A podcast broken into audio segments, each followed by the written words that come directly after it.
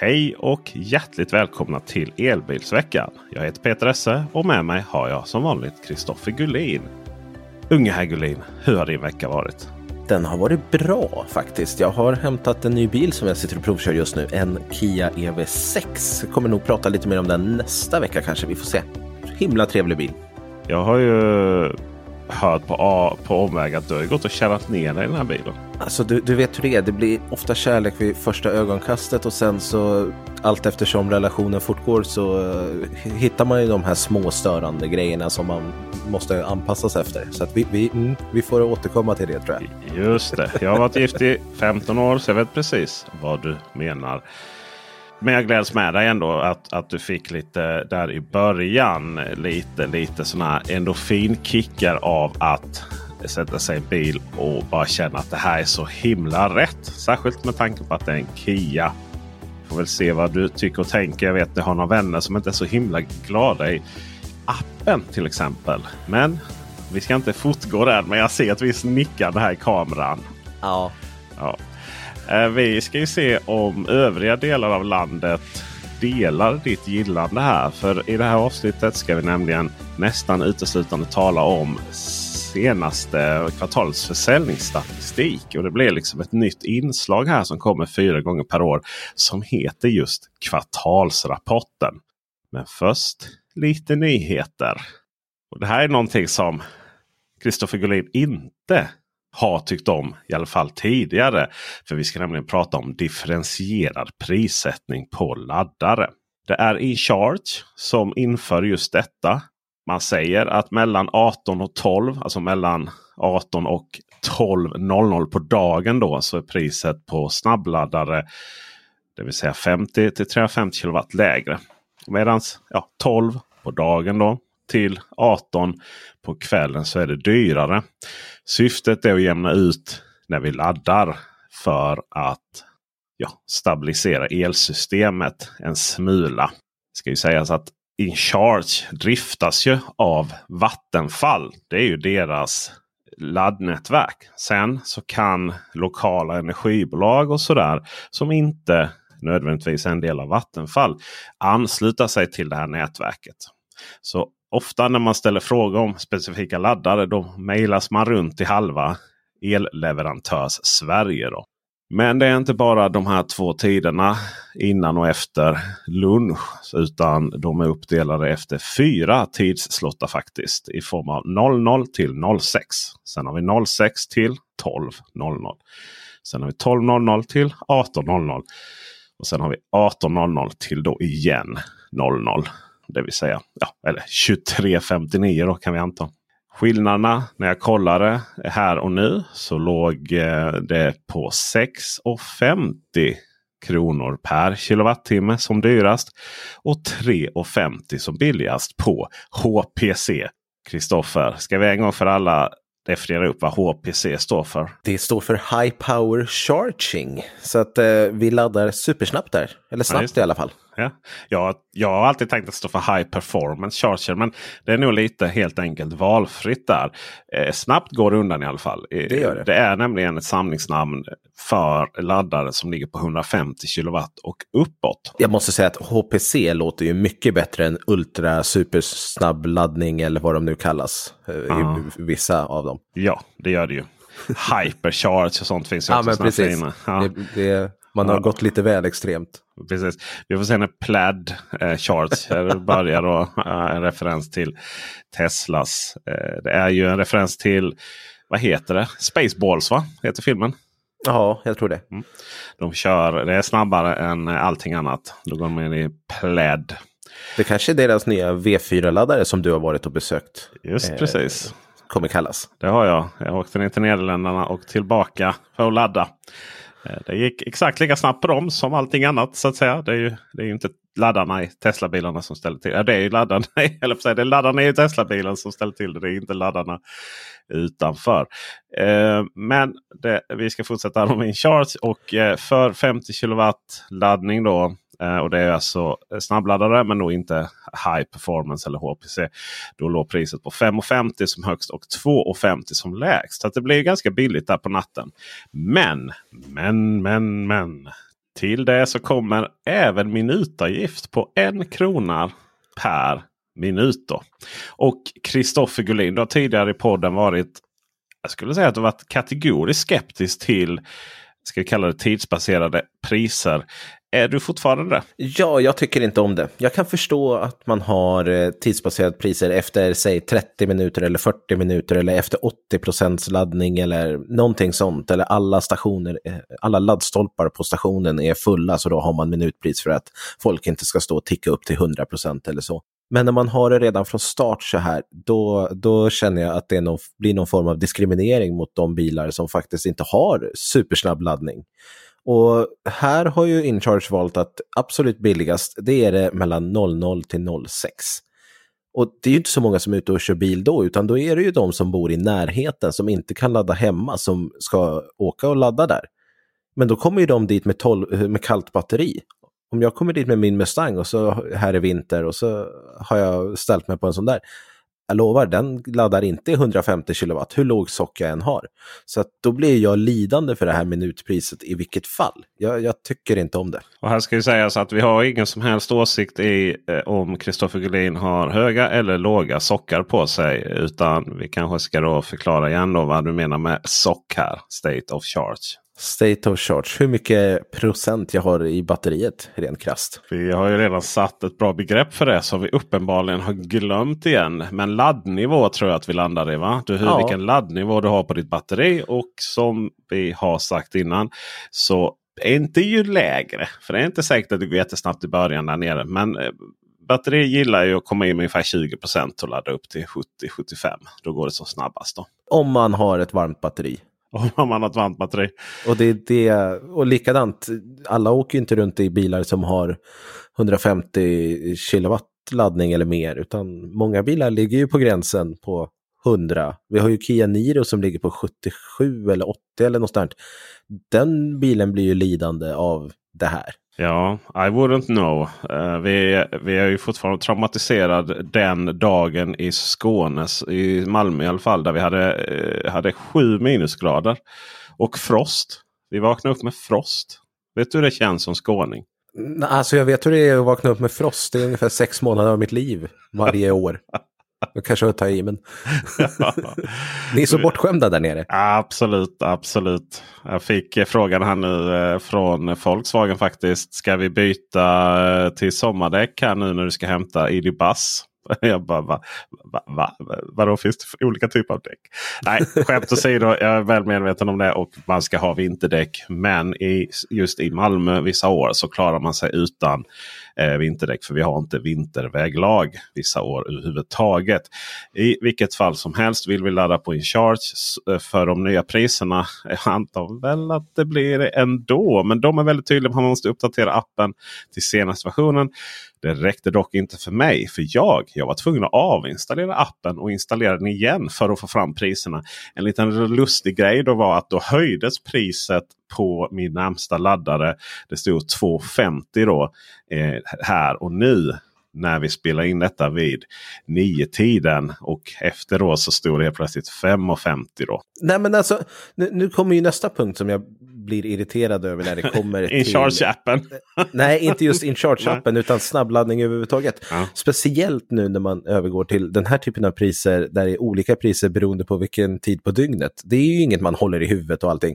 Och det är så otroligt komplicerat att få reda på vad det är man ska betala. Det är likadant hos Tesla, där står det ju ingenstans hur billigt eller dyrt det är liksom vid själva laddaren. Då måste du in i appen. InCharge likadant, du måste in i appen för att se vad priserna är, för att det står inte på laddaren. På de här skärmarna som finns på laddstationerna så ska det tydligt stå vad det kommer kosta mig. Men det gör det inte. Naturligtvis ska det göra det. Jag menar, det finns ju eh, sällan ett problem med tydlighet. Alltså, att man inte är tydlig det är ju sällan till kundens fördel utan det kan ju bara vara för ens egen fördel. Och här är det ju inte bara Tesla och InCharge utan det är ju, Tesla har inte ens en skärm så där blir det ju väldigt uppenbart. Eh, men det gäller ju många eh, laddnätverk överlag. Ja, som jag tycker är väldigt. Det är väl alla eh, laddnätverk överlag utom eh, OKQ möjligtvis då som har börjat sätta upp kilowattimmarpriset uppe på sina så här skyltar där och visar vad bensin och diesel kostar per, ja. per liter. Och det är ju mycket bra. Det kommer nog komma väldigt tydligt det här med menar, vi har jämförelsepriser i butiker. Och det är klart att om vi ska ladda så måste vi få reda på vad det kostar att använda respektive appar. Och jag tänker de här är ju uppkopplade mot nätet och allting. Som jag blippar mitt LE-kort då borde det ju kunna stå, komma upp i skärmen att ja, du kommer betala si och så här mycket. Ja, det ska ju vara helt, helt självklart egentligen. Och det kommer ju uh, säkerligen att komma. Men det har varit lite utmärkelser och eh, det har varit årets bil, Car of the Year även kallat. Men det finns ett gäng sådana utmärkelser. Det finns det. Det finns ju hur många som helst tänkte jag säga, men det finns sex stycken totalt. Eh, alla är väl inte lika intressanta för våran del. Och den här Car of the Year, eller Årets bil som vi översätter till svenska, det utsätts, utses ju på New York International Auto Show här och det har varit nu i veckan och det blev en, en elbil som blev Årets bil, en Hyundai Ioniq 6 som inte bara kammade hem årets bil, den kammade också hem årets elbil och årets bildesign. Så Hyundai är nog mycket nöjda med sin nya skapelse. Det är dock inte första gången de har börjat bli lite varma i kläderna nu för att Hyundai Ioniq 5 fick också en hel del priser i förra årets kategorier. Och följer de mönstret här nu så får vi kanske se Ioniq 7 nästa år med flera prisvinnare. Vi får väl se hur det blir med det. För årets bil så stod konkurrensen mellan BMW X1 och Kia Niro. Och medan i EV-racet så var det BMW i7 och Lucid Air som hade chans på vinst, men Hyundai tog dem båda. Lucid behöver dock inte gå helt lottlösa för det var nämligen, de vann nämligen priset för årets lyxbil. Och Kia EV6 GT blev årets prestandabil. Lite oväntat kanske, men den har ju fått väldigt bra kritik från de som har testat bilen. Det blev ytterligare poäng till Sydkorea och Hyundai-koncernen som äger Kia. Då, då Det är lite magstarkt att säga att Lucid inte behöver gå lottlösa med tanke på att de nyss sa upp 1300 människor. Ja, ungefär 1300 människor gick ja, lottlösa ur det här. Det, det gjorde de absolut. Men eh, de, de fick inte priset. Det var ju Lucid företaget bilen. Ja, så är det ju. Nej, det är tufft för Lucy. De gör mycket bra men, men det är klart de, de gör också många miljarder med förlust. Ja, det, de är väl en startup som många andra där man ska gå med förlust rätt länge innan man kan börja gå med vinst igen. Liksom. Mm. Har vi några fler priser? Det fanns ett pris till och det var ju sista kategorin här som blev årets stadsbil eller Urban Car. Jag översatte det till stadsbil lite löst sådär. Det blev Citroën C3 så den är inte lika intressant för vår del. En stadsbil, där känner jag att en elbil borde verkligen vara guld. Stadsbil är alltså de bilarna som vi, vi tar ifrån vår lägenhet till eh, gymmet och sen ställer oss och värmer upp i gymmet istället för att cykla till, bil, äh, till gymmet. Är det så? är det korrekt uppfattat? Det är korrekt uppfattat, ja. ja. Vill man inte ha vare sig stadsbil, lyxbil eller årets bil så kan man ju hyra bil vid behov. Ju. Och eh, där så har det ju börjat levereras elbilar så det jordbrinner. Jag har hjälpt eh, rätt många hyrbilsförare vid laddstationerna. De får en bil och sen så är de helt själva i detta hav av olika sätt att ladda bilar. Och eh, det som är självklart kanske för oss och det som är självklart för er som lyssnar på den här podden. Eh, vi har våra laddabonnemang, vi har Ellie, vi har våra vi kan våra Ionet. Vi, numera så vet vi liksom att vad som är billigast. Men det kan vara lite kö och så gör vi lite adekvata val baserat på det. då. Men som hyrbilsförare så är man ju oftast ofta ska jag säga, inte alltid. Helt utan denna kunskapen. Och det är inte så att eh, man hinner plöja ner eh, 15 timmar av eh, guider på Youtube från Kristoffer Gullins Guide om elbil eller Peter SS Youtube-kanal. Utan man är helt lost. Kanske, jag vet inte. Men Avis, de vill lösa detta.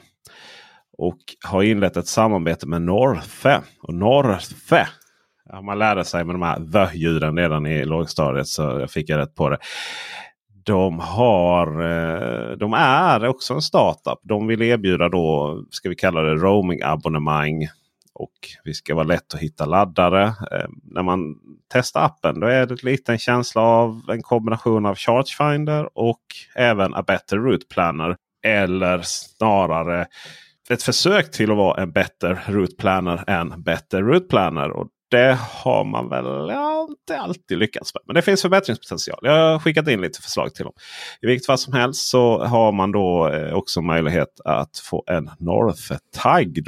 Och detta eh, har man inlett ett samarbete med med Avis. Så att när vi hyr en bil av Avis så får vi helt enkelt en tagg till att ladda på alla de laddplatser som finns i Northes app.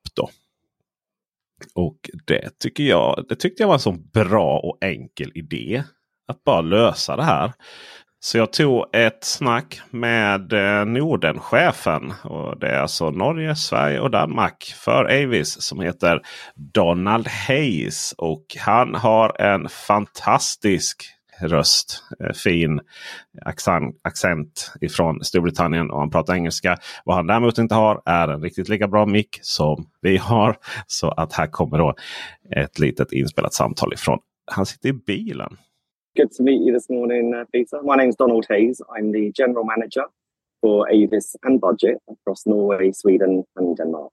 Tell us a little bit about Avis and, and also Budget and, and the difference between those Well, um, Avis and Budget are two of the uh, world's largest car rental brands, and um, we've been uh, operating uh, those brands here in uh, Sweden um, for quite some time. So recently, I was talking to the team, and uh, we believe we're getting very close to our 55th anniversary um, of operating the Avis brand here in Sweden.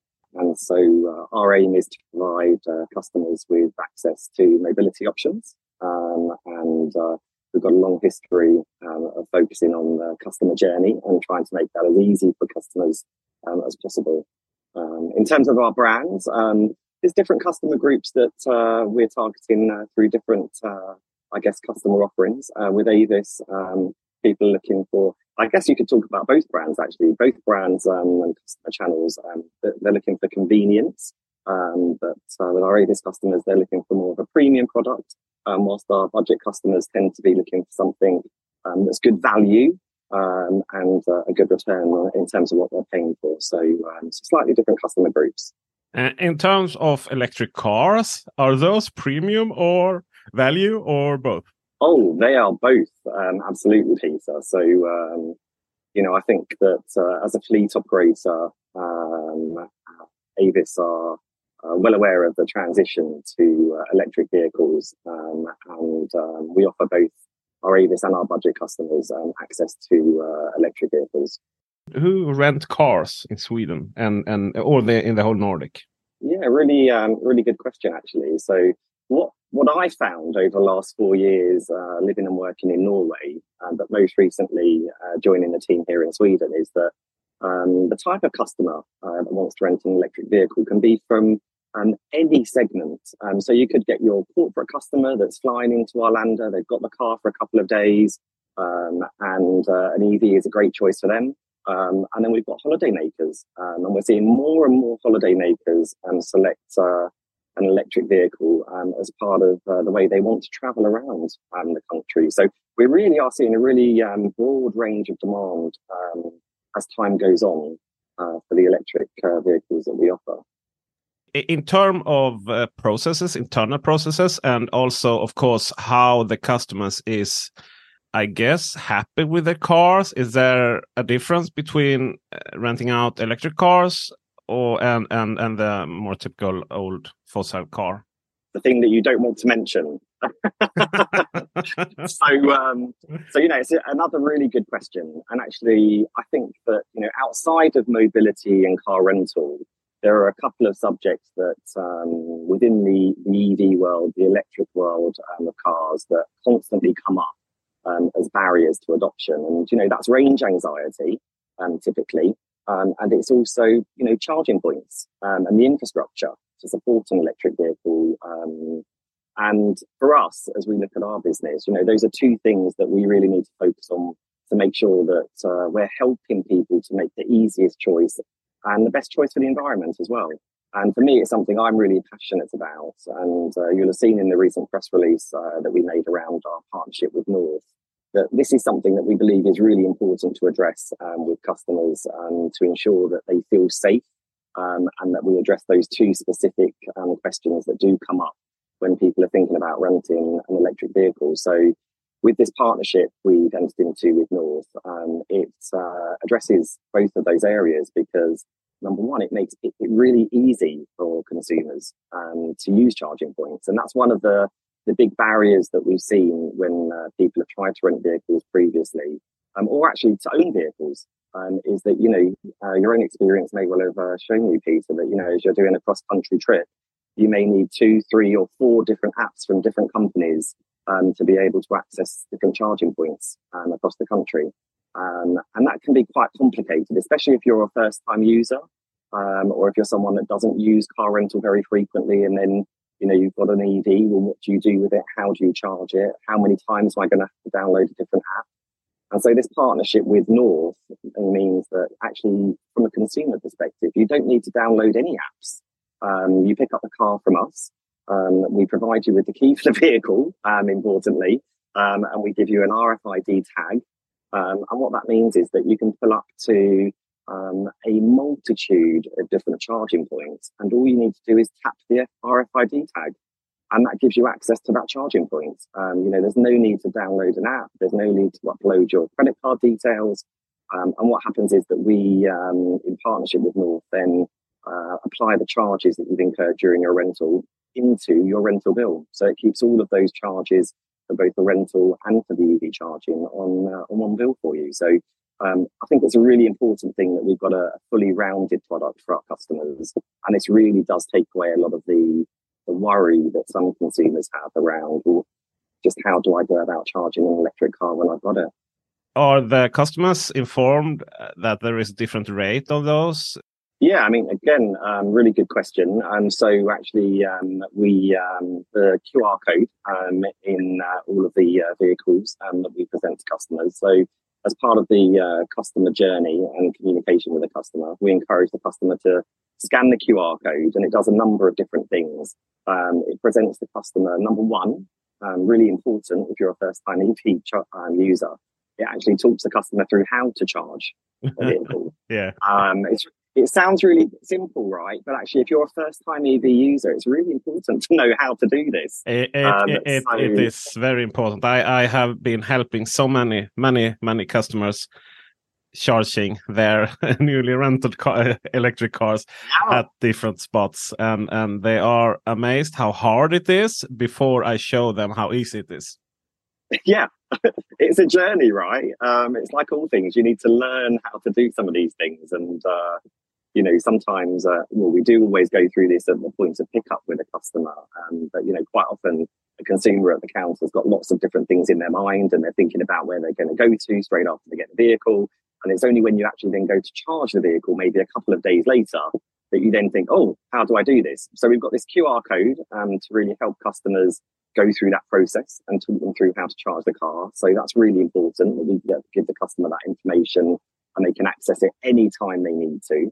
Um, and then secondly, you know, that QR code link takes them through to a page where it shows them all of the available chargers and, um, of course, um, uh, in terms of mapping, you know, which ones are, are closest to them to access um, alongside uh, the rates uh, that they'll need to pay um, as part of that uh, charging experience as well. So, so we think we we presented the customer with a really good option here in terms of convenience, um, in terms of you know that knowledge of how to uh, get the car um, plugged in um, and charged, but then also uh, that charging information so they know what they're actually paying for new cars has uh, a lot of personal settings. You have like log mm. into the system, you have log into Spotify, and also you have like subscri subscription, which is personal. How do you handle that in a rental car? Yeah, I mean, as the as the technology develops, um, cars are becoming more personalized, right? Um, and absolutely, people can log into their Spotify account, or you know, in some vehicles, you can log into your Netflix account.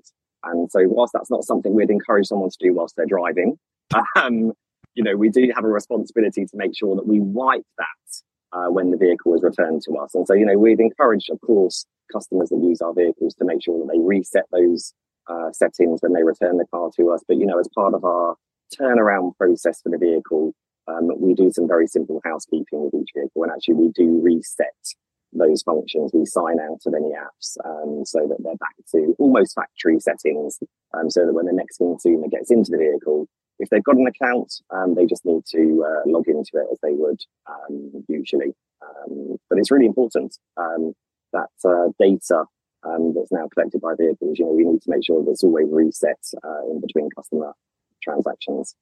Spotify, what you're listening to, that that should be like the most secret personal information. I wouldn't want anyone to to know my real music taste yeah, I guess we'd have to know each other pretty well to be sharing that kind of information. Uh, exactly, but uh, it's uh, but but about uh, I have I have uh, my colleague uh, in here at at the podcast. He was renting a BMW from someone. I I'm not sure which company it was. It could be yours. The car supported some technique, but it wasn't activated. So he just called the rental office and they activated it for him and mm. I was a bit surprised that someone actually did that. Uh, that there was a process to to activate those extra settings. If someone rents a car from Avis and it says, "Oh, you can activate this," is it is it possible to to call you and they activate that settings, or or how how does it work? So we don't currently operate uh, BMWs in Sweden um, on our fleet. Um, so I'm not sure what experience of who that was with, but um, in terms of activating um, additional functions on the vehicle, um, we don't um, currently provide the um, opportunity for customers to call in and sort of say, okay, could you switch on the uh, xenon lights for us because it's not standard on this car, or could you add on this extra feature for us remotely? Um, so, um, as I said, we make sure that as much as possible we reset all the functions on the vehicle. Uh, we sign out of any accounts that somebody may have uh, logged into uh, whilst using the vehicle. Um, and then if there's an app that a customer wants to sign into that's their own personal login, they can do that. But we don't switch on any additional functions yet. I mean, I think as the as time goes on and as mobility and technology continues to change, that might well be something that you know people choose to move between cars um, as they move from car to car. But at the moment, that's not something that we offer um, either as a service or as uh, as an option uh, I think the rental car industry have so much money to make on to ask the customer if do you want this xenon lights activated? Oh, it's just 500 sec more. Speaking about not or uh, which which brand you're renting out or not, which is the most popular electric car in your fleet? Oh gosh, um, what a question! Um, I I don't know if I can tell you because I might upset a few uh, brands. Uh, no.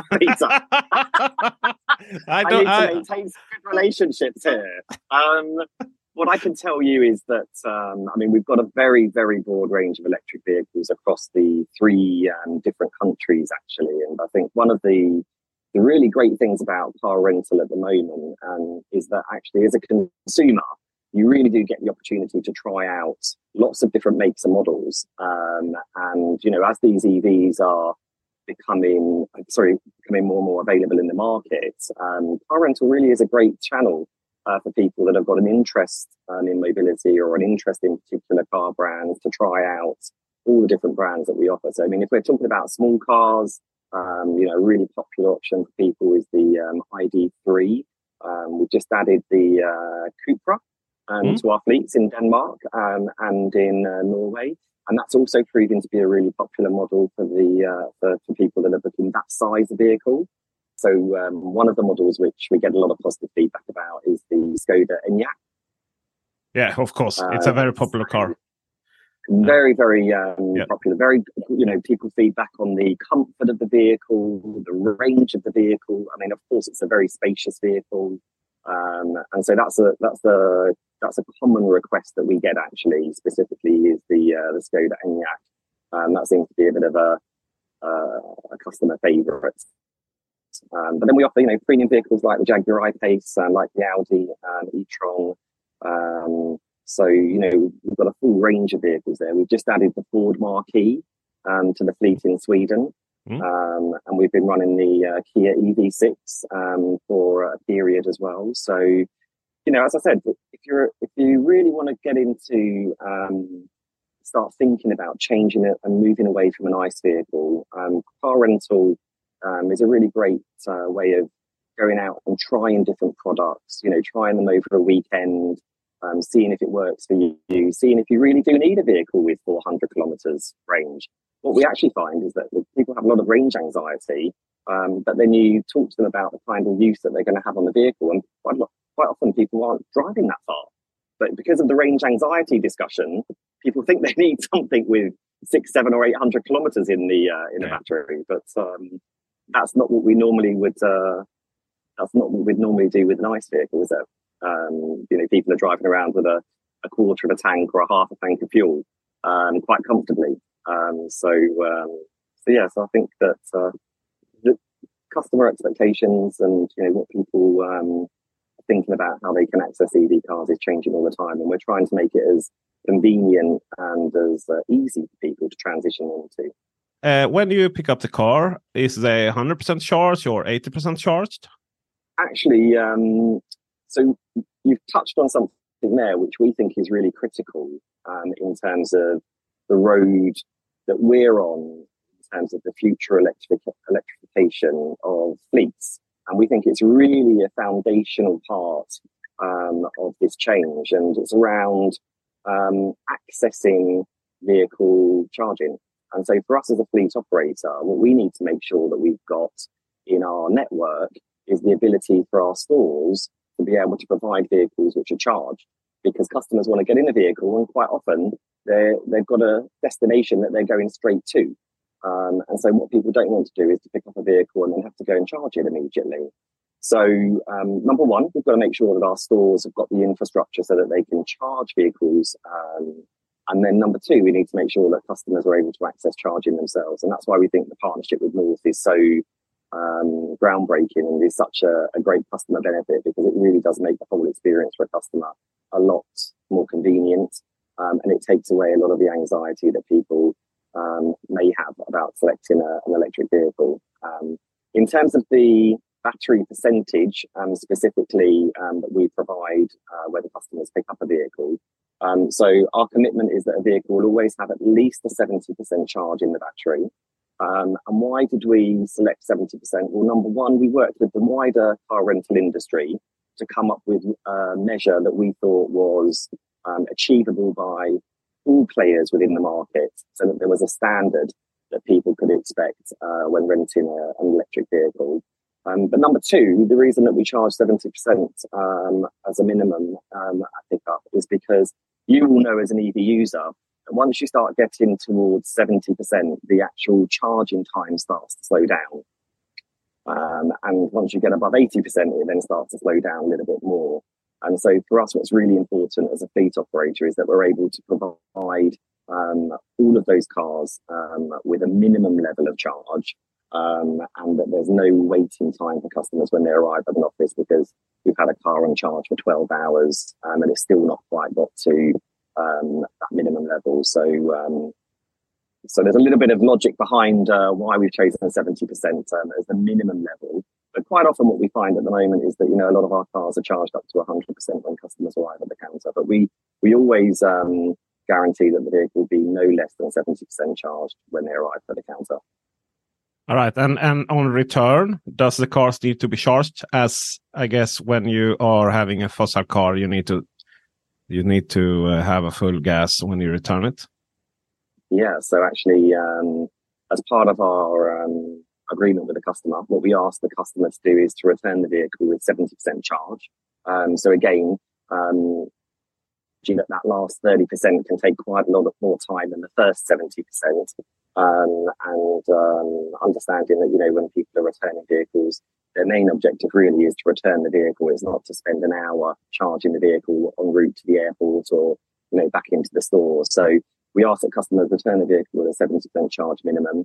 And um, we find that um, as long as people are aware of where they can charge cars, and you know, this, again, this partnership with North really makes it a lot easier for people because they're able to access, you know, Ionity and Recharge and um, Eon chargers. So it gives people the widest choice in terms of being able to fulfill that before they return the car to us as well. That's all. Thank you so much.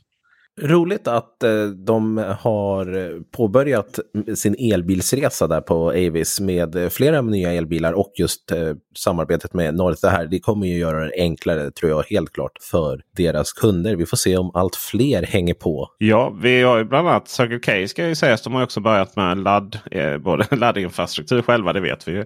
Men också el elbilar. Det som är intressant med Circle K där, det är att du inte behöver lämna tillbaka bilen med någon ström alls i överhuvudtaget. Bara du klarar dig tillbaka till parkeringsplatsen. Är det så pass alltså? Ja, så var det i alla fall tidigare. Men då har ju de egen snabbladdarinfrastruktur, ju, Circle K. Och eh, det underlättar ju naturligtvis. Det är ju, det är tufft att sätta upp snabbladdare i alla fall 50 kW. Det beror på lite hur snabbt de måste rotera de här bilarna i och för mm. sig. Eh, jag menar de ska ju tvättas och sånt också innan de åker ut då, hos Avis. Men eh, 70 verkar vara de branschstandard då som gäller. Eh, det är klart, alltså, de, här de, jag menar jag vet jag har jobbat på, på Sunflit. Då låg vi under Hertz. Och det kommer ju in massor som bilar. Man hade behövt ha laddinfrastruktur som inte av denna värld för att lösa det. Då. Medan Circle K har ju inte så himla många bilar sådär på det sättet. Det är ju inte deras huvudsysselsättning. Nej, och, men 70 procent som en gräns det kan jag ändå känna är rimligt. För att då, kommer man, då kan man ändå ladda upp lite till och så åker man och lämnar bilen. Liksom. Ja. Uh, jag hyrde hos en firma som krävde 80 procent, annars skulle de ta ut en avgift. Och det känner jag så här, då behöver jag stå vid en laddare till 85 procent eller någonting för att sen kunna ta mig mm. till eh, hyrbilsfirman och lämna tillbaka bilen. ja just det, det går inte att ladda upp till 80 och sen så står det plötsligt 78. Nu tror jag väl ingen skulle kanske eh, skicka fakturan på det till dig. Nej, och jag vet inte hur mycket de tog per kilowattimme som de laddade i sen. Men 80 kan jag tycka är lite för högt att lämna tillbaka det till. Däremot så tror jag verkligen på det här med att eh, ha extra då, lite som jag tog upp här i intervjun. Då, att, med, att du har möjlighet att aktivera lite extra funktioner på din BMW och så. Genom mm. att ringa ett samtal. Det var ju lite unikt. Men där tror jag faktiskt att, att hyrbilsbolagen verkligen har möjlighet att lägga på nästan ockerpriser på, på sådana funktioner. Jag menar, ja, är det mörkt så är det klart att de ska sälja aktivering av adaptiva ljus. Ja, du gick ju inte konsumenternas vägnar där när du började tipsa dem om hur vi kan få betala mer för bilen. Jo, fast ja, nej, på det sättet men, gjorde jag inte det. Men samtidigt så är det ju sista raden ska ju, ska ju in där och eh, Absolut. Eh, det är ju ett sätt att kanske ta ner grundpriset. då. Eh, sen ska man ju säga alltså att hyrbilsbolag eh, generellt sett. Jag vet inte exakt hur det liksom är för det här bolaget här i Sverige och sånt. Och jag vet ju till exempel att Hertz handlar ju mycket om, för det ägs ju av Volvo. Det handlar ju väldigt mycket om att ha någon form av buffert i fabrikerna och sånt. Det är liksom massvis med parametrar som inte bara handlar om att liksom, tjäna pengar på att hyra ut bilar. Men i USA framförallt så vet jag ju att det handlar, det handlar om spekulation med andrahandsvärde. Det är liksom huvudsysselsättningen för hyrbilsbolagen. Sälja och köpa då liksom. Att, eh, så att eh, man ofta betalar vi ju egentligen någon form av värdeminskning. Och sen så har de tur och så kan de sälja iväg dem ännu mer. och så. Så sen har de ju massvis med sådana ja, det här till exempel ta betalt för att lägga till extra chaufför och sånt. Det är ju, det är ju bara båg eh, ur ett eh, alltså försäkringsperspektiv så gäller ju försäkringen om den som kör har körkort. Det finns ju ingenting som säger att sådär. Och detta är ju Sverige, svensk del. I USA så är det ju verkligen bara en fråga om avtal. Men vi ska lämna hyrbilsbranschen helt och hållet här nu och bara prata om, om köpta eller sålda bilar snarare. Här då börjar vi med kvartalsrapporten för första kvartalet 2023 här i Sverige. Och det registrerades ungefär 63 300 bilar. Jag har avrundat de här siffrorna nu så mycket jag kan. För att det blir ju väldigt mycket snack. Eh, om det är eh, 63 63 323 bilar. De här tabellerna lägger vi upp på elbilsveckan.se så ni kan följa med i, i tabellerna då. Om ni så gärna vill här. Om ni inte kör bil då när ni lyssnar. För då får ni inte följa med i tabellerna. Då gäller inte försäkringen. jag på att säga. Nej, det vore väldigt tråkigt med plåtskador eller värre. Så då får ni lyssna extra noga. Men då var det alltså 63 300 bilar. Det var 14 000 bensinbilar. Det var 12 800 laddhybrider. Och laddhybrider är ju i dagsläget alltså det är 100% bensinladdhybrider. Vi har diesel 5450 bilar. Vi har elhybrider så kallat, alltså det vill säga hybrider som inte laddar. Då. 6050. Vi har etanol och, ja, ja, jag, måste, jag måste göra det. Kristoffer, jag är ledsen. Jag måste göra det. Men eh, gissa etanolbilarna. Det här hade inte jag pluggat på. Jag har bara kollat elbilar. Ja, jag vet. Det är ju därför det är kul. Det är därför det är så himla roligt. det. Nej, det är Ford Focus. Jaha, har de etanolbilar? Ja, det var ju det som var etanolbil. Så det var ju, det var ju en Ford Focus-motor i den Volvo eh, Volvos 2.0 motor som saknade turbo som, gick sönder, som gick sönder om man tankar etanol. Eh, den andra är eh, Subaru Outback. Lite fascinerande. Så det är Ford och, och, och det. Och jag, är, jag är ledsen men vi måste också prata gasbilar. Och eh, då har vi alltså 375 gasbilar sålda. Och ja, du vet vad som gäller nu Kristoffer. Vilka, vilka bilar? Ah, Mirai. Spännande, spännande. Det är väl typ den gasbil jag har koll på tänkte jag säga. Ja, den har eh. sålt exakt noll. Ja, okay. i det här landet. BMW kom ju med någon gasbil här nyss men den har väl knappast börjat sålts. Nej, den har inte sålt. Och jag, jag inser här nu att, att det är så kul, kul för att uh, vi pratar alltså om helt fel gas nu. Eller ja, du. Pratar, jaha, okay. Ja. Gas. Vi pratar, alltså, vi pratar alltså gamla matrester här nu. Jaha, nej inte, det tänkte inte jag på. Nej, den finns inte ens med i, i, den finns inte ens med i statistiken att välja eh, eh, vätgas. Utan nej, nu är det gamla matrester och kobajs. Det är alltså Volkswagen Golf 155 stycken. Skoda Octavia och sen Seat Eh, och sådär. Så det, eh, men det har också sålts eh, tre stycken Audi gasvarianter. Två stycken A4 och en, två stycken A5. Men nu till det roliga då ju. Naturligtvis. jag ville bara att vi skulle ha lite korrelations då. Så vi tar det som har sålts mest eh, fram tills nu. Alltså bensinbilar 14 000. Och så jämför vi det med elbilar. 22 900 elbilar och så en fanfar på det. Du, du, du, Ljudtekniker Dennis Klarin får helt enkelt klippa in en. Att Tesla gjorde sin mest makalösa kvartalsrush någonsin är ju ingen hemlighet. Från och med mars månad blev den mest sålda modellen en elbil. Den mest sålda bilen, enskilda bilen oavsett drivmedel blev en elbil. Och det är Tesla Model Y med cirka 3600 sålda. Den ruschen de gjorde var helt galen. Den var galen på så många sätt och vis. Både på positivt och på negativt för vissa. Det, absolut, så var det. Men kollar man januari, februari så hade de spottat ut ungefär 900 bilar. Det var lika många bilar som de sen spottade ut de två sista dagarna i mars. Ja. Det är helt galet. Ja. Det kom ju båtar från överallt och bara la till i hamnen och spottade ut bilar. Ja. Och det var hämta bilar på plats. Du, knappt så du träffar någon. Du får, de är otvättade. Eh, är det bytt vinterdäck på dem så är sommardäcken inkörda i eh, skuffen där bak. Och eh, smutsiga och dana. Och sen så fick man då presentkort på tvätt. Men också gratisladdning. Ja. Och här, här skulle man kunna säga ja det är ju för jävligt att Tesla eh, gör så här på det här sättet. En annan, man hämtade bilen fick jag ju säga till dem. Nej, men behö, ni behöver inte klä in den liksom, och så ska den dras för skynket. Jag, jag vill bara hämta min bil. Liksom, jag vill dra liksom. Eh, det är ju eh, Tesla. När det här fungerar. Att du bara kan åka och hämta din bil i hamnen. Det är ändå ganska nice. Ja, alltså det, det blir ju en speciell upplevelse det med kan man väl tycka. Ja, det blir det ju. Alltså, man pratar om den här premiumkänslan eller den här nästan, eh, vad ska man säga, Tesla är ju, är ju politik. Tesla är ju allt. Tesla är bil, Tesla är en känsla, Tesla är ett en livsstil. Tesla är politik framförallt. Och, sådär, va? Och, och det här att Tesla skulle vara den här ly dyra lyxbilen som bara rika människor har råd med eh, är ju en, eh, något eh, överdrift. Eh, sen så har ju det här kommit. Har ju, det har ju kommit i samband med att man tog bort parkeringssensorerna utan att aktivera möjligheten att använda kamera.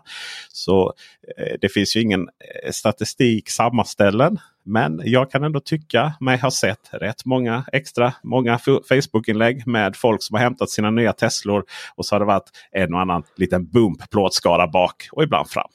Och Det har också blivit mycket frågor nu om hur bilen fungerar. Och Det är väl där jag framförallt kan känna. Det är många som säger att ja, men, de vill bara hämta bilen och så är allting frid och fröjd men de flesta är inte entusiaster som känner bilarna utan och innan, innan de har hämtat dem. Nej. Att du och jag gör det, det är inget konstigt. Men jag tror att många skulle må bra av en liten eh, genomgång ja. av sina nya bilar. Och eh, där, att man inte ens får möjligheten för att företaget ska vinna en kvartalsrapport. Där är sanna, sanna ord. Eh, jag försöker dra mitt strå till stacken så att i veckan så kommer det ut en video om eh, x antal tips och tricks ni ska tänka på när ni laddar er Tesla eller använder er Tesla. Och första stalltipset det bjuder jag på gratis. Um, ja, alla tips är gratis för det är gratis att kolla på mina Youtube-filmer. Men, men ni får den här redan i podden. Och det är naturligtvis att Tesla har olika typer av laddare. Framförallt två stycken. Version 2 och version 3. Och om ni laddar på version 2 då är de max 150 kilowatt. Och det är väl inte största problemet i det hela. Utan det är ju det att de delar då på 150 kilowatt två stycken. Så att det står ju längst ner på dem på ena sidan. Så där laddar 1A, 1B eh, och sen laddar 2A och 2B. Så. Och eh, Det gäller att inte dela laddare som oft, så mycket det går. Om det, inte, om det inte finns någon möjlighet och alla laddare är upptagna så, så är det naturligtvis så att ni ska, får ni stanna och ladda. Men då får, är det också anledningen varför det går ner på runt 70 kilowatt. Då. Men eh, ni ser skillnad på laddarna. Ni ser dem i kartan. Om ni trycker på ladda, landsymbolen alltså på navigatorn där när ni ser den. Då kan ni se, eh, då står det 150 kW eller 250 kW. 250 kW är version, 2, eh, version 3-laddarna och 150 kW är version 2. Eh, ni ser det rent fysiskt genom att version 2-laddarna har två stycken laddkablar. Men det är bara den ena ni kan använda med era nya Tesla-bilar. Den andra kabeln är för äldre Teslor som är sin egen standard ska sägas att de äldre bilarna de kan man uppgradera så att det går att ladda med de nya kabelstandarden. Så den där kabeln används ju väldigt sällan. Förutom av de som inte vet att det är för Tesla och försöker ladda sin egen bil. Ja, för den är ju det har man också sett. Det har man ju sett. Eh, just att de försöker koppla in sig på den samtidigt som en annan laddare. Det är spännande. Men det går alltså inte att ansluta den till sina bilar. Och det, hade, det, hade ni liksom tagit fram någon tång och prånglat in den så hade det inte blivit någon ström. Och det är alltså inte att de två kablarna delas utan det är alltså att två hela laddstolpar delas. Då. Men nog om det. För nu så ska vi då kolla på resten. Vi ska se. Eh, vi har ju då andra plats kommer Volvo XC40 som näst sålda bil. Näst mest sålda bil. Och elbil då. De sålde 2750 XC40 varav endast 364 var fossildrivna. Alltså vi pratar ju då eh, över 2000 sålda elbilar ifrån Volvo X40. Eller från Volvo på XC40 plus C40. Då. Jag menar det är också ett väldigt bra kvartal för Volvo elbilar. Jag, jag tycker nästan lite synd om Volvo eh, egentligen. Förra året så eh, förlorade de precis eh, ett första platsen till eh, Volkswagen och deras ID4 där. Och så nu känner de att 2023 det är vårt år. Vi lägger först hela kvartalet. Nu kör vi! Och så kommer Tesla och bara LOL joke två sista dagarna och bara kör om. ja. Och Volvo får nöja sig med en andra plats igen. Yes, um, men eh, Volvo, ni får jobba på. Eller så är ni glada över det faktumet att eh, tredjeplatsen så kommer Volvo XC60 och anledningen att vi överhuvudtaget tar upp det är att det är en så himla populär laddhybrid.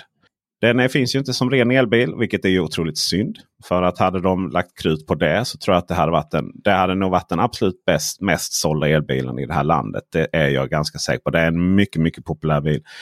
Och den, eh, den är, det säljs nästan bara som laddhybrid enligt statistiken. Då.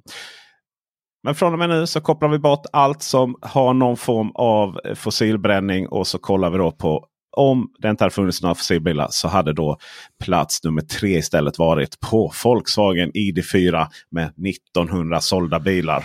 Och det är ju också en bil som jag tror alltid kommer liksom lite finnas med oss där i statistiken. För det är ju någonstans den bilen skulle jag säga mer än Tesla som har introducerat elbil för allmänheten eh, bortom för entusiasmen. Det var ju först när Tesla chocksänkte sina priser som det blev en bil som, som, som folk i allmänhet eh, fick upp ögonen för. Ja, alltså ID4 är ju den här folkabilen som är för folket om man ska säga Folkvagnen. så. Folkvagnen. Ja, men, men alltså precis, det är ju det den är. Eh, priset kan man ju alltid diskutera om och om igen, men alltså ID4, den gör det den den funkar för de flesta familjer, den är tråkig, inte speciellt eh, exalterande någonstans.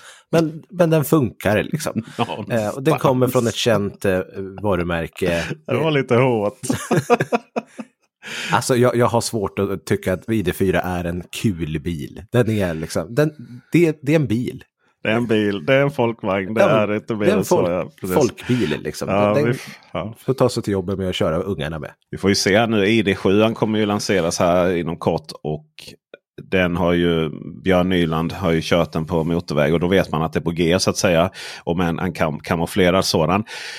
Um, vi får se hur den påverkar. För svensk del så är det ju, det är ju en Sedan ID7 och sen så kommer det ju en eh, året därpå så kommer det då presenteras en, en kombivariant av den och, och, det är väl den som kommer att knäcka. Det beror på vad den, de kommer ta betalt för den kommer ju också vara något lyxigare interiörsmässigt sägs det. Och det har vi också sett på de konceptbilar vi har varit och tittat på både du och jag på Ecar Expo. Ja, de satsar ju mer på premiumsegmentet, precis som alla andra. Det är där kunderna finns just nu. Det är ju dyrt med batterier så att säga. Så om, om bilarna ändå ska vara dyra så kan de väl sätta på ännu lite mer vacker interiör. Plats 4, Kia EV6. Eh, den du har nu på eh, strax under 12, eh, strax under 1300 bilar. Eh, sen är det faktiskt eh, plats 5 Tesla Model 3 med 1000 sålda bilar. Nu så avrundar jag inte längre här på plats 6 och 7 för att de ligger så nära. Plats 6 Kia Niro 842 bilar. Plats 7 Volvo C40 841 bilar tyckte det var lite... Ja. Det, det, var också så här Volvo. Ni, ni, skulle inte gått hem den dagen. Ni skulle jobbat en dag Nej, extra. Men det är det jag säger. Det är igen ja. Volvo. Det är, det är nära skjuter ingen höre liksom. Nej, nej eh, vad är det man säger? Två är första förlorare så att säga. Precis. Uh, nej, det är det ju inte i detta. Det är, jag menar hela topp 10 här är ju otroligt imponerande. Plats 8 uh, då, Skoda Enyaq. Uh, 811 också då. Så att det är nära de här. plats 9 MG 5 Electric 710 stycken. Och sen så plats 10 så se, kommer faktiskt eh, Volkswagen ID3 upp framför Audi där med 570 sålda. Den är jag lite förvånad över att så många fortfarande köper en sprillans ny ID3. Ja, det, det, ja, det, det är man särskilt. Ja, nej, jag vet inte vad som händer där. Men å andra sidan så eh, de är ju säkert till eh, beställda för länge sedan. Då, för att eh, det är lång leveranstid på egentligen alla de här bilarna. Utom Absolut. på, på um, Teslan. Och, och, så är det väl med hela e-bilstatistiken just nu Q1, kanske till och med Q2. Men sen får vi väl se om det börjar droppa av.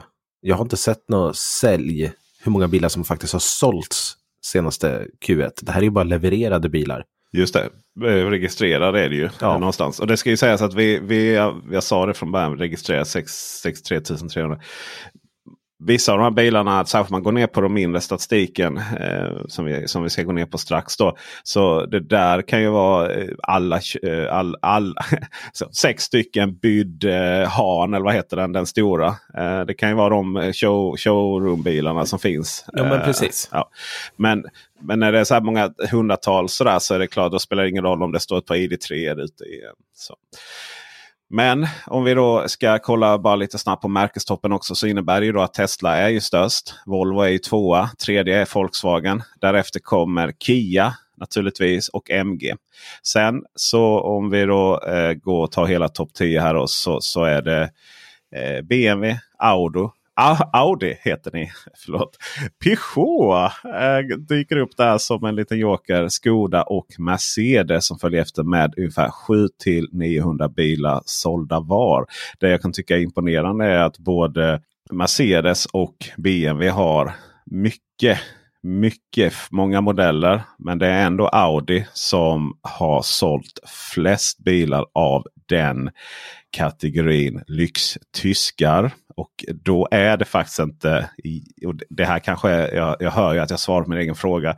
Det har ju inte så att göra mycket med just lyxtyskar då. Utan då är det ju Audi Q4 som, som har stått för stor del av den försäljningen. Som ju är en instegsmodell i Audi-världen. Det är en otrolig skillnad på den och Audi E-tron. Det Förvånansvärt många Q4 som har. Jag antar att du tänkte prata mer om Audi sen så vi kanske ska ta det då. Mm, vem vet, vem vet vad jag kommer göra? För att vi har ju inte avslöjat de här. För nu är den roliga. Nu, nu ska vi prata om våra favoriter här. Och, och, vi har fem favoriter var och några jokrar att ta till om vi skulle, vara, eh, skulle eh, liksom komma in på samma då. Så Kristoffer, vilken är din första? Ja, men jag tänkte väl att jag tar det märket som eh, jag äger själv. Och så kan man prata lite skit om dem istället. Ford, ja. de har ju i princip bara en bil att komma med. De har ju lite transportbilar och så, men eh, det är ju Ford Mustang Mach-E som är den, den som har varit mest populär eh, här i Sverige. Och under Q1 så gick det inte lika bra. 78 stycken har registrerade bilar, Ford Mustang Mach-E. Det kan man ganska enkelt jämföra med förra årets kvartal, första kvartal då var det 421 bilar. Så att det är en rejäl nedgång hos Ford där. Minskad förlust då kan man ju säga. Ja, det får man ju Om man ska vara lite elak. För att det är ju tyvärr så att eh, de, de, de tjänar inga pengar på sina elbilar överhuvudtaget. För De tjänar inga pengar på elbilarna. De har ju även höjt under eh, 2022 års gång så har de höjt priserna något kopiöst. Och de har tagit bort eh, vissa modeller från svenska marknaden för att de blev för dyra helt enkelt. De hade också en, en deal där de hade 18 månaders eh, privatleasing på bilarna, vilket var jättepopulärt. Men de bilarna har börjat gått ut nu så att det ligger över 600 Mac-Es på Blocket om jag kollade rätt häromdagen. Eh, och det är ganska mycket får man säga.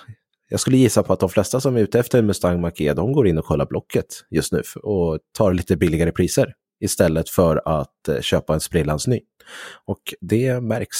Eh, det gör det ju verkligen. Herregud. Det som jag tycker är lite spännande med eh, Ford är ju att man har ju lyckats prångla ut en helskotta massa av transit. Ja, och det är ju det. Företag är ju ofta det som de här, jag vill inte kalla Ford för ett mindre märke, men eh, märket som de, de jobbar ju mycket med transportbilar och de har ju Transit där och nu har de ju presenterat en, en lite mindre eh, Transit eh, City tror jag den heter. Mm. Eh, som de också ska komma med här. Så att... Ja, jag satt och, vi har suttit och grävt ner i statistiken här. Jag fattade liksom inte varför två olika källor visade eh, Car.info visar 2000 bilar för mycket. Typ. Men eh, jag inser ju att eh, det har att göra med att vissa, eh, så fort eh, transiten till exempel då. Eh, den är så stor så den går ju som en någon form av lätt lastbil i registreringen här då. Mm. Den räknas inte hos Mobility så, Sweden. Den räknas inte hos Mobility Sweden. Däremot så finns det ju många andra som gör det. Till exempel, så, så det är därför Peugeot har gått rätt bra. Kan jag avslöja redan här nu då. Om jag, om jag då fick ta över min Absolut. Tack! Kör på. Jag känner att ni gick mig lite förväg här. Men jag tycker det är otroligt fascinerande att vi har Peugeot med som, som ett märke. Liksom. Vem har tänkt dem som ett elbilsmärke? Jag blev snopen över hur många 208 och 2008 ja, vi har. De har verkligen lyckats få ut, få ut um, um, många, många bilar. Och det, jag menar det är ju bilar som det är ju bilar som eh, jag menar, 2008 då lanserades i 2013 som, som fossilbil och 208 då lanserades 2012 som fossilbil. Man har alltså tryckt ut eh, 500, mer, ja, mer än 500 eh, av dem då ett kombinerat. Där 200, 208 är då den mest populära. Men, men mitten allt detta då så ligger då eh, Peugeot Expert då på eh, 216 eh, bilar här till hantverkare och partner och Rifter. Alltså. Och, och Peugeot Partner är, snabb, är en sån här bil Saab eller eh, lätt liten eh, mini. Ni, det är ju en, en personbil så vitt jag vet. Va? Men, men den lanserades som 1996. Så eh, det är ju... Eh, Fast den har ju fått lite facelift så det är uppgraderat. Sen den dess har den fått lite revolutiv. Jag menar, det bara, det, jag menar bara att vad jag menar med detta är att jag tycker det är häftigt att eh, vi är så fokuserade på ja, elbilsplattformar och är det 800 volt och är det liksom när det är synd. Och är liksom nya EX90 Volvo och eh, Polestar 3. Är det verkligen en ny plattform eller är det baserat på den gamla?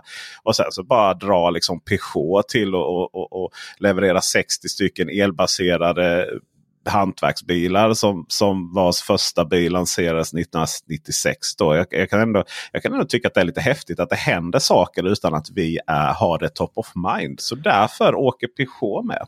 Mm. Och det gäller ju, och, och, och detsamma gäller just två 208 och 2008. Liksom, du vet man har gått förbi en Peugeot där på Ecar Expo. Utan, ja, ja, ja, Peugeot, det tänker man inte så mycket på. Men vilken gigant här då i svensk elbilsförsäljning totalt kombinerat. Ja, alltså tänker man också hantverkarbilar, de går ju i stan 8 till 17 liksom. Ja. Eller 07 till 16 kanske de jobbar.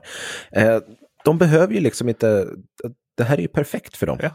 Det och det är perfekt glädje. för oss andra också, för då blir våra städer tystare, eh, det blir mindre buller, ja. eh, mindre avgaser.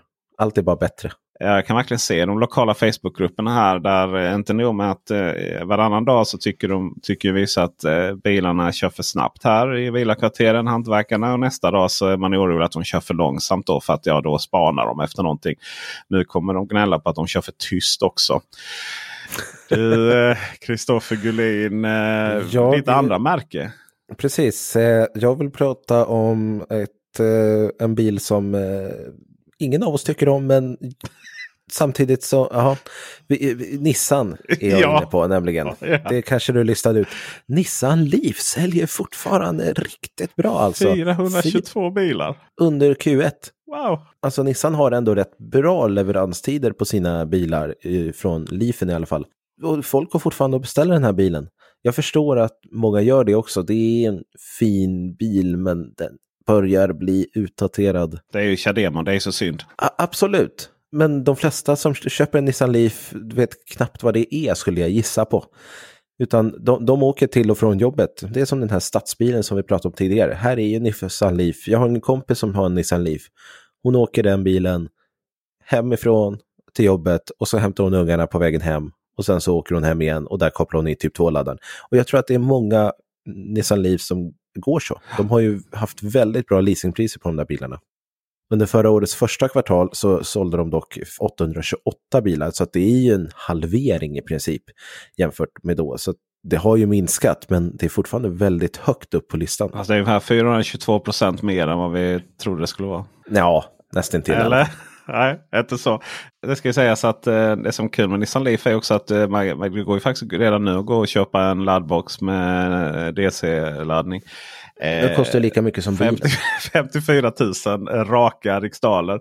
Och sen så kan ni använda Nissans batteri som husbatteri. Det är ju faktiskt mycket billigare än att köpa ett husbatteri. För husbatteri är, det, det finns nog få saker som är så dyrt per kilowattimme som dem. Ja, fast då, då har man en Nissan Leaf på framsidan. Ja, men om man ändå har en Nissan Leaf. Okej, okay, du, du menade så. Ja, det är mycket passiv aggressiv här. Alltså, vi, får, vi får bjuda in Nissan och de får prata ut. Liksom. Och det här är ett okej. Okay, okay, liksom. Vi får göra det lite trevligare med Nissan Aria istället. Som kom ut med 64 exemplar, vilket jag tyckte Bra var jobbat. jättedåligt istället. För ja. Det är ju en bil jag tycker om jättemycket egentligen. Ja. Jag hade väntat mig att det skulle komma mer, för jag har hört väldigt många som har liksom sagt att de har väntat på Aria och åh vad trevlig den ser ut, ja men den kanske är något för mig. Och sen så under Q1 här nu när de börjar leverera så är det bara 64 stycken. Då blir jag lite så här, men 64 exemplar, det måste ju typ vara showroomsbilar. Men både du och Kristoffer Rask har ju tokdissat den som färdbil. Liksom. Ja, absolut, men Det är ju för snabbladdning. Om man väljer att inte köpa den bilen för snabbladdningen så ja, då ska det ju vara väldigt specifika behov. Åker jag till Åre en gång eller två gånger om året, då skulle jag inte tveka. Och dessutom så verkar det stora batteriet som eh, jag inte testade verkar klara sig lite bättre. Ja. Jag tror att den hade klarat sig mycket bättre om den hade kommit första halvan 2022 med bonus och all hype kring elbilen som var just där och då. Eh, då hade den sålt mycket, mycket bättre. Nu, nu vart den i samma veva som bonusen togs bort och allting började gå dåligt. Och de, de misslyckades med tajmingen på den.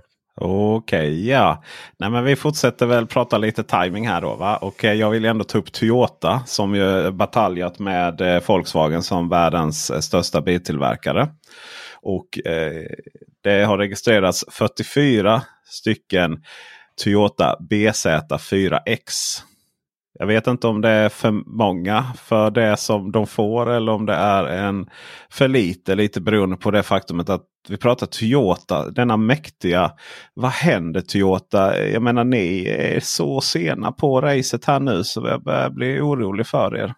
Man har alltså släppt en bil. Vi sitter och, vi sitter och näggar på Volvo. Vi sitter och näggar på andra biltillverkare. Att de bara lyckats få ut ett par eh, omkommenterade fossilbilars varianter som går på el. Eh, och sen att eh, de stora nya plattformarna kommer inte förrän i slutet av året. Va? Men Toyota, vad, vad, händer, vad händer nu? Lyckligtvis har man också fått iväg 21 stycken Toyota Pro Ace. Där har de ju varit ganska populära väldigt länge också när det kommer till hantverkarbiten. Det har man ju och det är ju där som eh, jag tänker det finns hantverkarbilar är ju enkla. De är stora, det finns plats för batterier och de går inte särskilt långt. Men, nej, det är inte alls samma krav. Nej, behöver inte, du har liksom inte behovet av att accelerera upp som en galning på motorväg här. Och du bruskör inte med din eh, Toyota Pro Ace trots namnet till trots. Den heter till och med Pro Ace City, den mest populära. Um, men du Kristoffer Gullin, vad tänker du nu då? Efter detta, vad har du för tredje märke? Blir det väl för dig va? Precis, och eftersom eh, vi pratade Nissan Leaf som har funnits väldigt länge så vill jag också prata om en annan bil som har funnits väldigt länge, Renault Zoe. Ja. Det är ju en bil som fick en facelift här för inte så länge sedan. Men eh, den fick ganska dåliga betyg i Euro NCAP. 69 stycken har de registrerat under Q1 2023, ner från 197 samma period förra året. Däremot har man ju en ny kung på tronen. Det är ju inte Renault Zoe som är liksom bilen som gäller hos Renault längre. Det är ju Renault Megane, min lilla favorit. E Megane E-Tech. Ja. Jag tycker den är så charmig och så mysig och det är så trevlig bil. Jag blir så glad varje gång jag ser den, speciellt i den här röda färgen som jag körde den i. Min lilla eh, kottigpåse skulle jag vilja nästan säga. Jag tycker om den bilen jättemycket. Uh, just för att den är så gullig. 352 stycken fick de ut under Q1. Snyggt. Ja, Renault, det är roligt. Ja, verkligen. Renault fick ju också ut eh, 157 stycken Kangoos. Ja, där har de ju blivit jättepopulära också, transportbilarna. Och en Master vet man inte riktigt var den står någonstans. Nej, precis. Det, när det kommer ner till en, två bilar sådär, då är det ju liksom antagligen person själva. Men Eller Renault själva, förlåt. Då, då jag blandar alltid ihop dem. Ja, just det. Just det då vet vi att Master finns i, i elvariant då, kan man ju säga.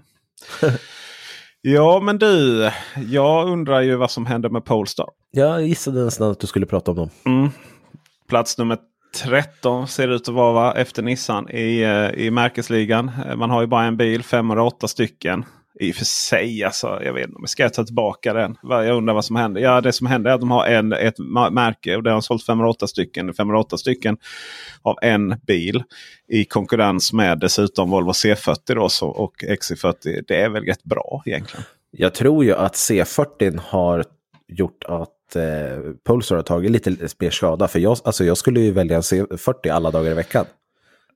Före Polestaren.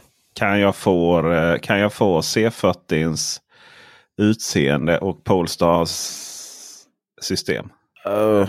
Vet du vad? Jag glömde ens ställa en sak i förra, förra avsnittet med standardutrustning.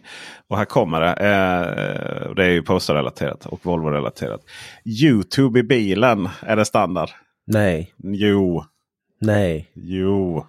Nej. Jo. Vill du, inte, vill du inte sitta och titta på dig själv när du laddar bil? Absolut inte.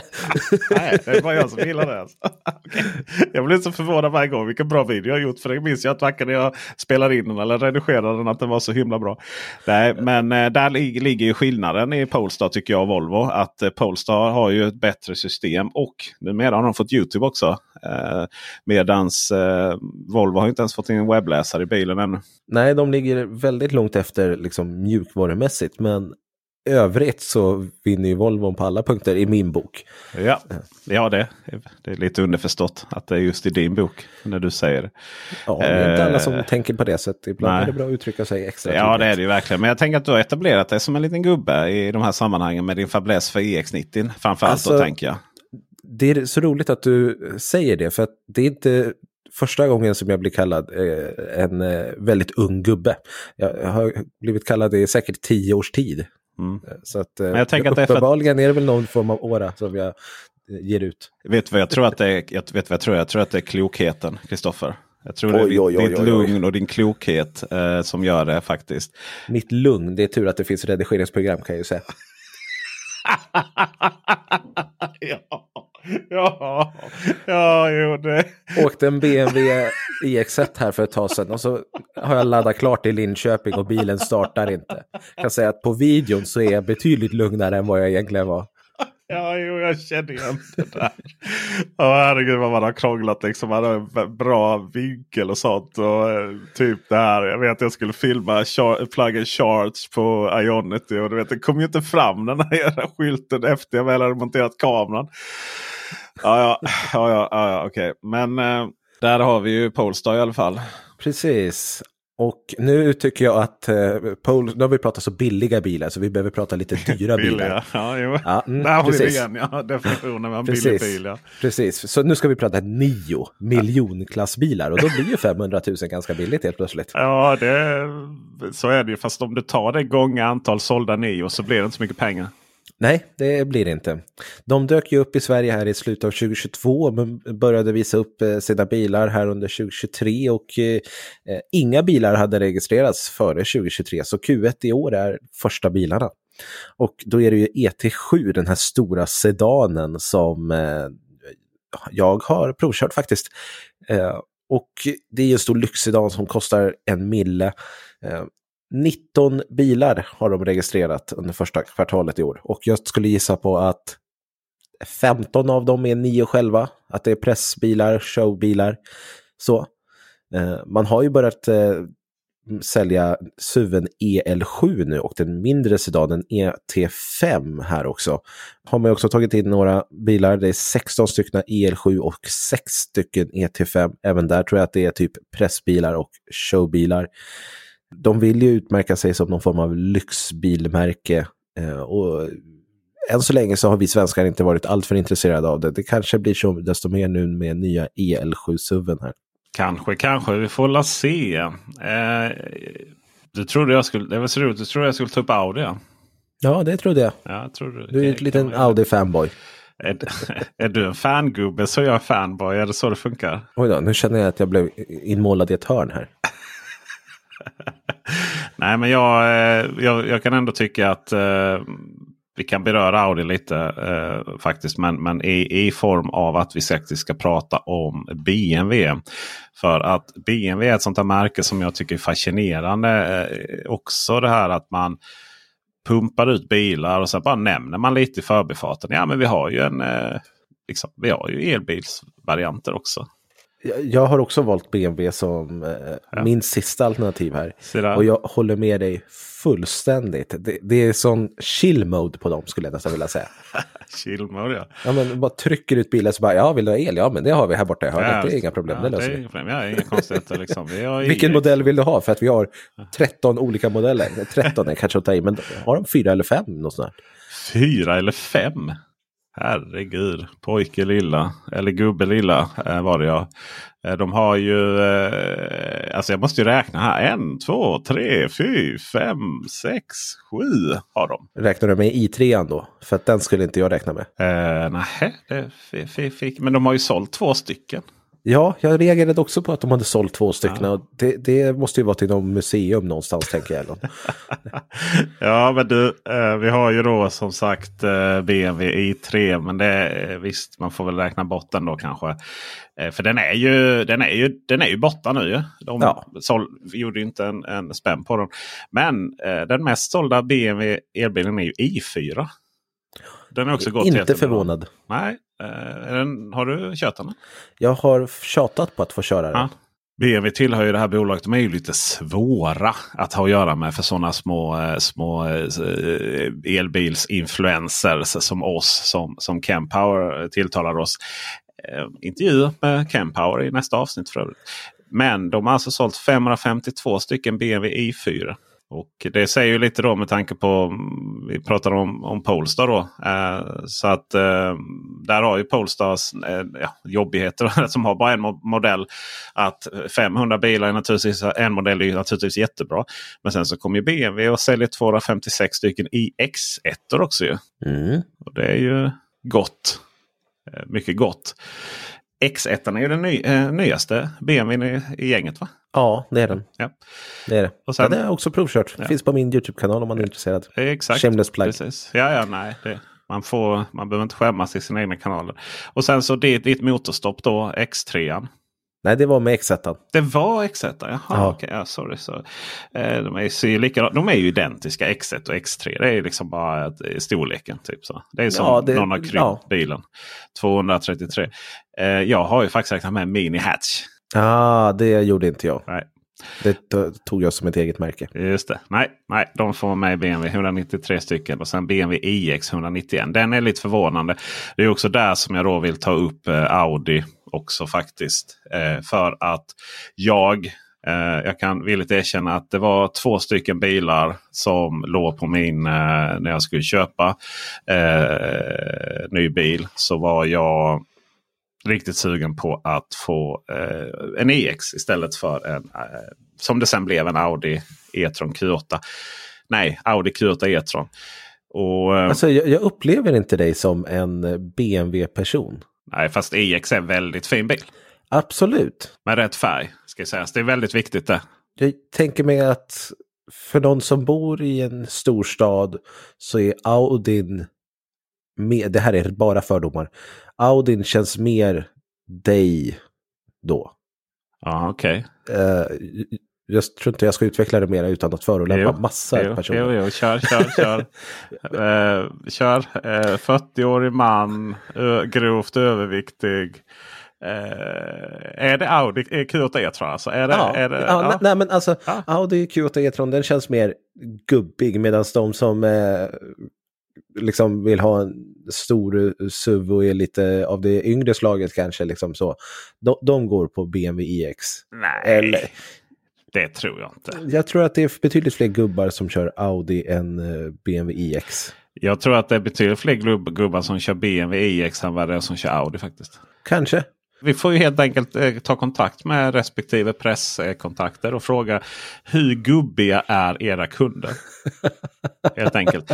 Nej, men EX är ju, det är ju som, det är ju som någon har tagit en Volvo 240 och bankat ut lite och en ny interiör och satt in ett batteri. Den är ju, den är ju boxig som bara en EX just tänker jag. Okej. Okay.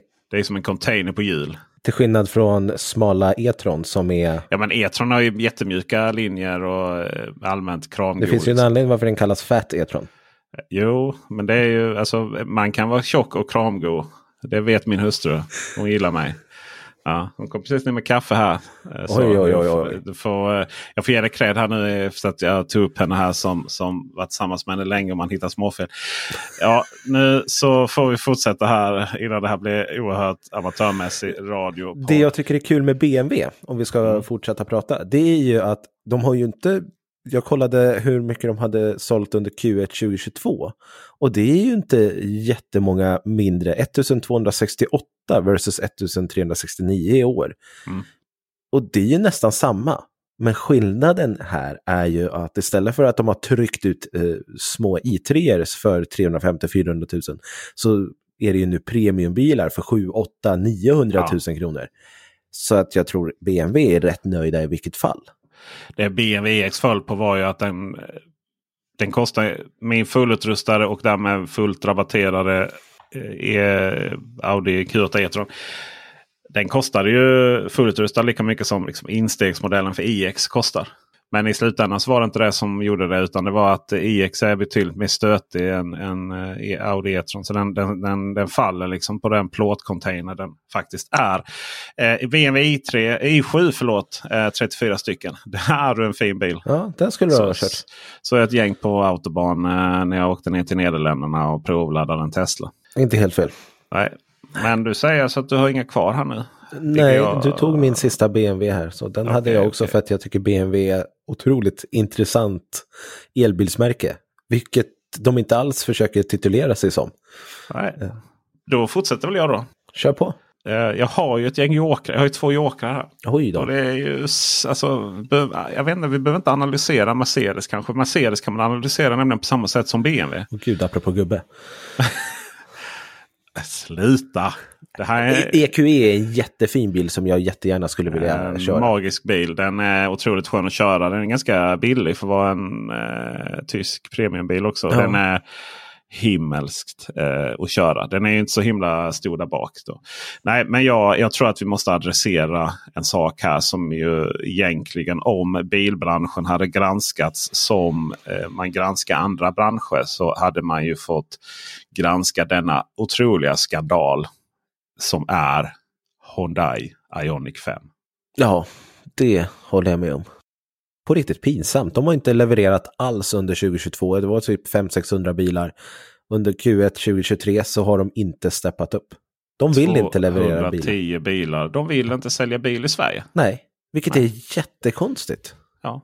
För att Kia säljer ju hur bra som helst. Hyundaien skulle ju kunna säljas jättevolymer också. Ja, det måste vara otroligt jobbigt att jobba för svenska Hyundai. Eh, jag menar alla som jobbar på de flesta bolag som har någon form av försäljningsmål sätts ju löner, sätts ju ja, hur man avancerar i en organisation. Prestigen eh, sådär internationellt. Jaha, vad gör ni i Sverige? Ni säljer ju inga som helst bilar. Nej, men vi får ju inga era taskmöttar. Liksom. Det är ju svårt att argumentera i lönesamtalet där. Eh, jag menar det, för om vi ska kolla på Ioniq 5 som bil. Så det, det, finns ingen anledning att den inte skulle sälja i närheten av vad Kia EV6 gör. Jag hade ju till och med beställt den egentligen. Eller jag hade ja. beställt den. Ja. Men den kom ju aldrig, eller den skulle ju ha så lång leveranstid. Och sen gjorde ju Hyundai sin uppgradering där som vi har pratat om tidigare. Där de uppgraderade alla för och tvingade folk att betala ännu lite mer. Det hade jag ja, åkt på om jag hade haft kvar den. Ja. ja. Men alltså vänta i 18 månader på, på en bil, det var inte jag okej med.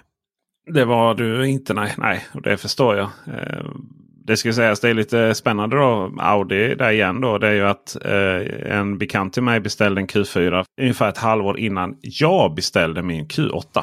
Och jag kommer få min Q8 innan honom.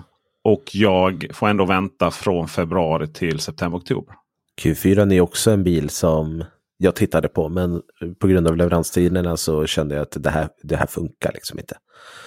Q4 har ju jätteproblem med att komma fram till Sverige. Ja. Även om det börjar bli bra nu då, så har jag, vet jag en som har väntat i typ ett och ett halvt år på sin. Mm. Och då är ju, så bra är ju inte Q4 skulle jag vilja påstå utan att ha, ha kört den en enda meter. Men jag har ju sett den och suttit i den och konstaterat att det här var ju en instegsmodell. Ja, det, är det ju. Du ska inte jämföra den med E-tron så. Uh, men... Nej, det, men det var ju lite det som var poängen. att du, du, du är en sak, jag menar Q8 då i det sammanhanget är ju väl värd att vänta på. Men frågan är ju en Q4 om den är så himla väl värd att vänta på jämfört med allting annat som finns i den prisklassen. Oavsett det så skulle i alla fall Hyundai Ioniq 5 vara uppe i Q4-försäljning. Eh, vi pratar alltså att den borde ju sälja minst, ja, minst 600 bilar skulle jag vilja ha iväg av eh, Ioniq 5 utan pardon. Ionic 5 skulle ju kunna vara den här stående rekommendationen istället för eh, Skoda Enyaq. Eftersom den har, ja, men den har ett stort bagage, den får dra 1600 kilo, den laddar snabbt, den är liksom okej okay att köra. Många kallar det svampigt, andra är mer komfortabla med det. Men det är ju alltid personlig preferens. Men alltså på pappret så uppfyller den ju liksom samtliga krav för att vara en bra, vettig elbil. Men eftersom de är helt omöjliga på att få tag i så kan man ju inte säga köp en Honda Ioniq 5. Hade det här inte varit podd så hade jag postat just nu den här meme. Men från eh, Game of Thrones. Eh, där det står shame, shame, shame. ska för övrigt eh, köra Ioniq 5 och göra ett par videos om det i slutet på april, början på maj här. Så att eh, då får jag en full upplevelse av bilen. Ja. Uh, se om jag kanske ångrar mig när jag gjorde avbeställningen eller inte. Ska vi, innan vi avslutar här då, då har vi tagit våra favoriter. Vi måste också, vi tog ju snabbt eh, toppen här innan. Vi måste också ta botten kan jag ju tycka. Eh, och vi, där hittar vi många av våra kinesiska vänner då som ska slå sig in på marknaden. Eh, men en, också en och annan japan. vi måste ta upp det faktum som heter Jaguar I-Pace med fem stycken sålda bilar. Vem köper Jaguar A-Pace av alla bilar? Ja, alltså jag har min mammas sambo. Ja, I så fall. En, ja. För att ja. Jaguar är ju, och jag har en gammal kollega som också nog skulle köpa den om han skulle köpa elbil. För att båda de två är liksom Jaguar fans. De är med i Jaguar Fanclub eller Club Sweden eller vad den nu heter. Och de, de får eh, liksom hem tidningen om Jaguar som de sitter och bläddrar i. Ja. De köper en Jaguar I-Pace. Är det fortfarande en fas på den bilen som gäller eller? Nej, jag tror att de har uppgraderat. De, har inte, de, de kom ju med en, ny eller en uppdaterad version 2021. Mm. Eh, med lite nya finesser och det. Det stämmer. Den, har, eh, den, har, eh, den kan till och med ladda eh, 22 kilowatt. Så Ja, det är inte dåligt. Enligt någon form av snabbgooglad webbsida. Men eh, sen har vi Honda E också fem sålda. Eh, där har vi också eh, shame, shame, shame Honda. Av den anledningen att Honda E hade kunnat vara en fantastisk stadsbil. Om den hade haft någon form av batteri i sig som inte är litet som ett ficklampsbatteri. Men de tar ju betalt som att det var ett stort batteri. Ja. Men äh, jättesöt. Ser ut som en panda i, i ansiktet. Jag tycker den ja, är, ja, men, är urgullig ja, bil verkligen. Precis, precis, jättegullig. Sen där nere har vi sådana här, vet, så här Audi E-tron GT och sådana här eh, fascinerade bilar som inte ska säljas så, så, mycket. Då ju. Eh, Nej, då tappar de ju lite av sin känsla. Ja, men sen har vi Porsche Taycan som är ändå 201 bilar. Så. Men det, dit upp skulle vi ju faktiskt inte på listan. Vi har ju eh, faktiskt Aura Funky Cat heter den officiellt i statistiken. Eh, så 23 eh, bilar har de fått iväg. Så att, eh, har du blivit ambassadör av dem än? Jag tycker, jag tycker inte du. Jag tycker du är lite man måste få vara glad. Det är den enda katt jag gillar. Liksom. Ja, och jag tycker, det, jag tycker bara att det är kul att driva med dig. Ja, jag vet. Uh. Det är ju som med pälsbollar. Liksom. det är en jättegullig bil. De hade ju ett jättebra privatleasingpris när de lanserades i november. Eh, precis innan elbilsbonusen. De hade nog inte räknat med att den skulle försvinna på det viset som den gjorde. Det hade väl ingen gjort. Men de tror jag led ganska mycket av det. Ja, jag inser att jag missade ju säga då att eh, Jaguar I-Pace är på plats 76. Honda E plats 75. Eh, och Iora då är på plats eh, 58. Men eh, sen har vi ju, eh, tycker jag också då att vi pratar då om de bilar som vi faktiskt har provkört. Så då har vi ju egentligen bara kvar en bil och det är ju Atto 3 då ju. Den har fått ut en del. 172 bilar under Q1. Även där var det ju också väldigt bra privatleasingpris. De har, sen vi pratade om det sist, har de infört en ny eh, nya priser här nu. Eh, så, så den är lite billigare igen. Eh, jag menar de slår ju den och Zoe som du tog upp. Som är på plats Atto 3 var 32. Ja, och Zoe plats 41.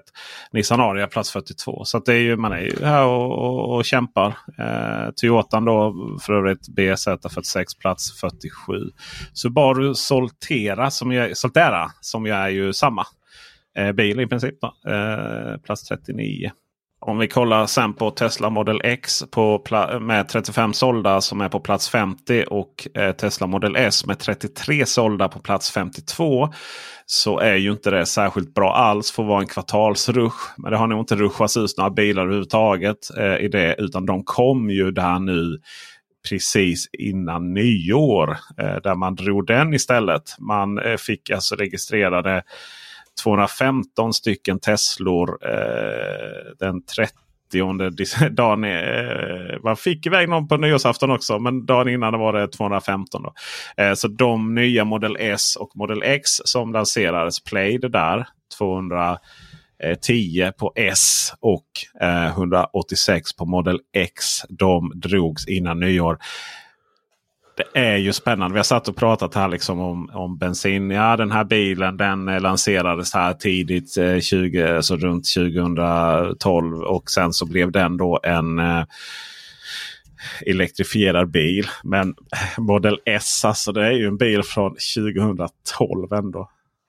Det säger en hel del. Eh, både hur tidiga de var eh, och hur eh, gammal den där är i grunden. Men den funkar fortfarande. Den nya versionen är ju riktigt. Funkar. Den funkar ha, absolut. Ja just det, du, du, hade ju till och med kört Model X Plaid där ja. Ja, den är ju, jag tror i slutändan så enda problemet jag har med Tesla Model X Plaid, Plaid och Model X i sig det är ju att det är en jättefin bil och den hade kunnat vara billigare om de här eh, Alltså de borde, ha, de borde ha en billigare variant av den. För det är en jättebra familjebil. Model X den är ju helt perfekt för det. Eh, särskilt dörrarna där, liksom inga dörruppslag och sånt. Perfekt bil för det. Så att det enda som är synd med Model X är att, man, att den är så högspesad eh, effektmässigt. Då. Det är ju lite av Teslas signum. De vill ju att du ska köpa Model Y annars. Ja, och så. Men eh, jag såg nu att Model X tar också bort eh, parkeringssensorerna. Så att det är inte bara de här Model Y och eh, 3 som, eh, so, som, som blir av med det. Eh, spännande framtid. Kan man väl minst sagt säga. Eh, vi är ju klara så att för, för, för idag blir det ingen mer framtid i, i den här podden. Men ni kan ju till det med att träffa oss om ni är i Skåne, i Malmö, utanför Malmö den 13 april. Det är en torsdag. Så att eh, vi träffas 16.00 på Refillad plats då i, eh, utanför Malmö bakom Stora Bernstorp. Sitter, dricker lite kaffe, snackar lite elbilar och ställer frågor. Eh, och så. så det finns ett event på Facebook där ni anmäler er om ni så vill. Och så, vi, så man ser hur många som kommer. Så vi ser hur många som kommer. Vi är, inte med, vi är inte de som anordnar detta. Utan vi är bara där och vill hänga med andra som tycker det är kul med elbilar. Det ska bli riktigt roligt. Och jag har hört också att eh, Kristoffer från Allt om elbil dyker upp där också. Så att det blir eh, riktigt bra sällskap förhoppningsvis. Tyvärr kan jag inte nämna några fler. Men eh, det är många som har anmält sig. Precis, tyvärr kan jag nämna några fler. Det, eh, inte då för att vi har en hemlig GDPR-märkt lista utan för att vi helt enkelt inte vet vilka de andra kommer. Men det är ju ett gäng som anmält sig. Ja. Eh, vill ni oss någonting innan det så går det bra att mejla på info elbilsveckan.se eh, eller Kristoffer elbilsveckan.se eller esse elbilsveckan.se. Kristoffers Youtube-filmer hittar ni på Guiden om elbil. Mina Youtube-filmer hittar ni på Peter Esse. Och med det så tackar vi för visat intresse. Hej! Hej då!